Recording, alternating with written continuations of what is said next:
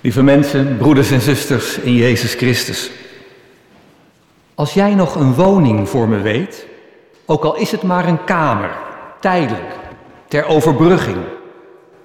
Of hebben jullie in de kerk geen ruimte voor me? Jij bent toch dominee? Jij kan vast iets ritselen. Het zijn de vragen die mij wekelijks worden gesteld als ik werk in de opvang, de dakloze opvang in Sertogenbos. Een aantal uren van mijn werk besteed ik daar. De maatschappelijk werkers zijn druk bezig om voor iedereen passende woonruimte te vinden. Housing first, wonen eerst, is het adagium. Maar er moet maar net een passende woning zijn voor Jolanda en voor Nick en voor Fatima, die op dit moment in de opvang verblijven met nog 25 anderen. Het wachten voor hen is het moeilijkst. Niet weten wanneer het jouw beurt is. Sommigen worden er moedeloos van. En vandaar die vraag: weet jij niet wat? Is er in de kerk geen ruimte? Op 2 november, Allerzielen, zaten we in de huiskamer van de opvang in een grote kring rond de tafel. We noemden de namen van de mensen die gestorven waren en we lazen deze woorden van Jezus. Wees niet ongerust, maar vertrouw op God en vertrouw op mij. In het huis van mijn vader zijn veel kamers. En een van de mensen reageerde meteen: Veel kamers, nou dan kun jij vast iets voor me regelen. De andere lachte. En tja, wat zeg je dan op zo'n opmerking? Ik kom er zo even op terug. Jezus zit met zijn leerlingen aan tafel. Laatste maaltijd samen, brood en wijn wordt gedeeld. Het is de avond van de voetwassing. En tijdens die maaltijd heeft hij met zijn leerlingen dat indringende gesprek over zijn naderend afscheid. Waarheen ik ga, kunnen jullie niet komen. Hun reactie is er een van ongerustheid. Hoe moeten ze verder zonder hem? En wat betekent dat concreet? Als schrijver Johannes dit vele decennia later op papier zet, herkent hij dat gevoel van ongerustheid. En ook zijn lezers zullen dat herkennen. Ze vormen kleine christelijke gemeenten in dat grote Romeinse Rijk, in de marge van de samenleving, worden door de over, overheid, de Romeinse overheid, met argusogen bekeken. Hoe moeten we verder? De toekomst is onzeker. Aan die gemeenten, klein en ontheemd, denkt Johannes als hij de woorden van Jezus opschrijft. Wees niet ongerust, maar vertrouw op God en vertrouw op mij. In het huis van mijn vader zijn veel kamers. In het huis van mijn vader zijn veel kamers, zijn veel woningen. Is dat nou een troost voor de ontheemde leerlingen? Is het een troost voor ons en voor de mensen in de dakloze opvang? In antwoord op die vraag is het belangrijk te weten waar dat huis van de Vader is gesitueerd. Is het een huis in de hemel? Zo lezen we het vaak. Het is een geliefde tekst bij uitvaarten. Heel wat rouwdiensten heb ik in de loop van de jaren geleid waarin deze woorden centraal stonden. Bijvoorbeeld die uitvaart nog niet zo lang geleden van een oude moeder die deze woorden had gekozen, zelf uitgezocht met het oog op die uitvaart. Ik verlang naar huis, zei ze tegen me. En haar kinderen zeiden bij de afscheidsdienst, Jezus heeft voor haar een kamer klaargemaakt. Jezus' woorden waren voor haar een houvast voor die oude moeder maar ook voor die kinderen. Moeder is thuisgekomen bij de Heer.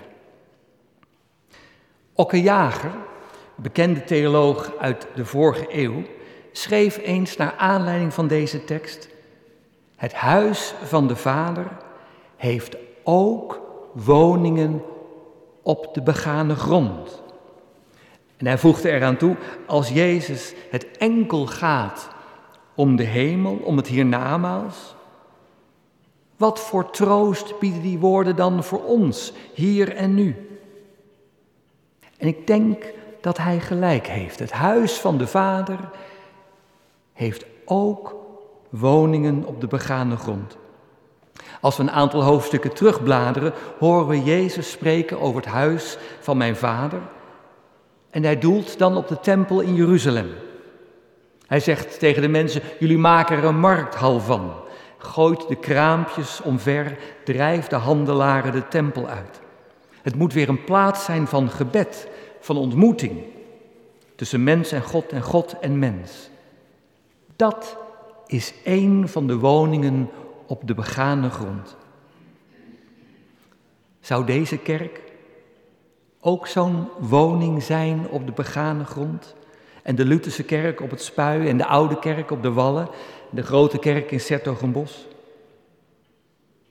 Als Jezus spreekt over het vaderhuis met de vele woningen, dan zal hij ongetwijfeld niet enkel aan een gebouw van stenen hebben gedacht, maar vooral aan de kring van mensen die samenkomen in zijn naam om samen te vieren, de lofzang te zingen, het woord te laten klinken en brood te delen en wijn.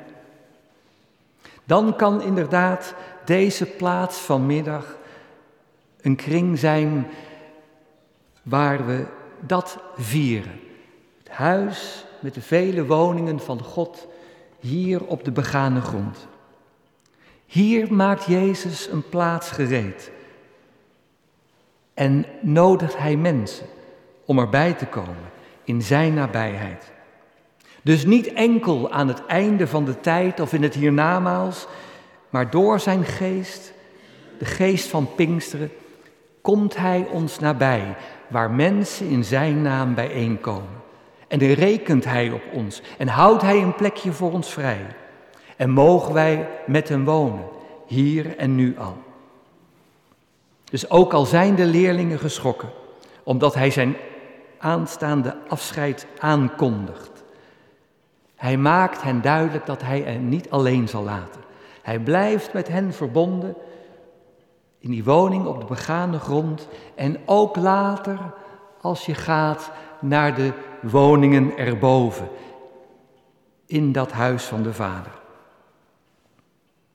Ten slotte terug naar 2 november, de Allerzielenviering in de dakloze opvang in Den Bosch. Je kunt vast iets voor me regelen, zei een van de mensen in de kring.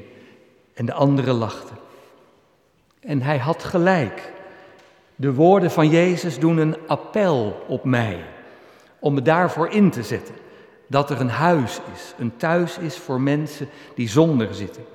En die woorden doen niet alleen een appel op mij, maar op de samenleving als geheel.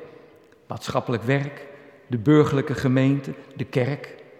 Opdat niemand op straat hoeft te staan. Maar nog voordat ik iets kon zeggen, zei een van de anderen in de kring: Dit doet me zo aan thuis denken. Dan zaten we ook rond de tafel.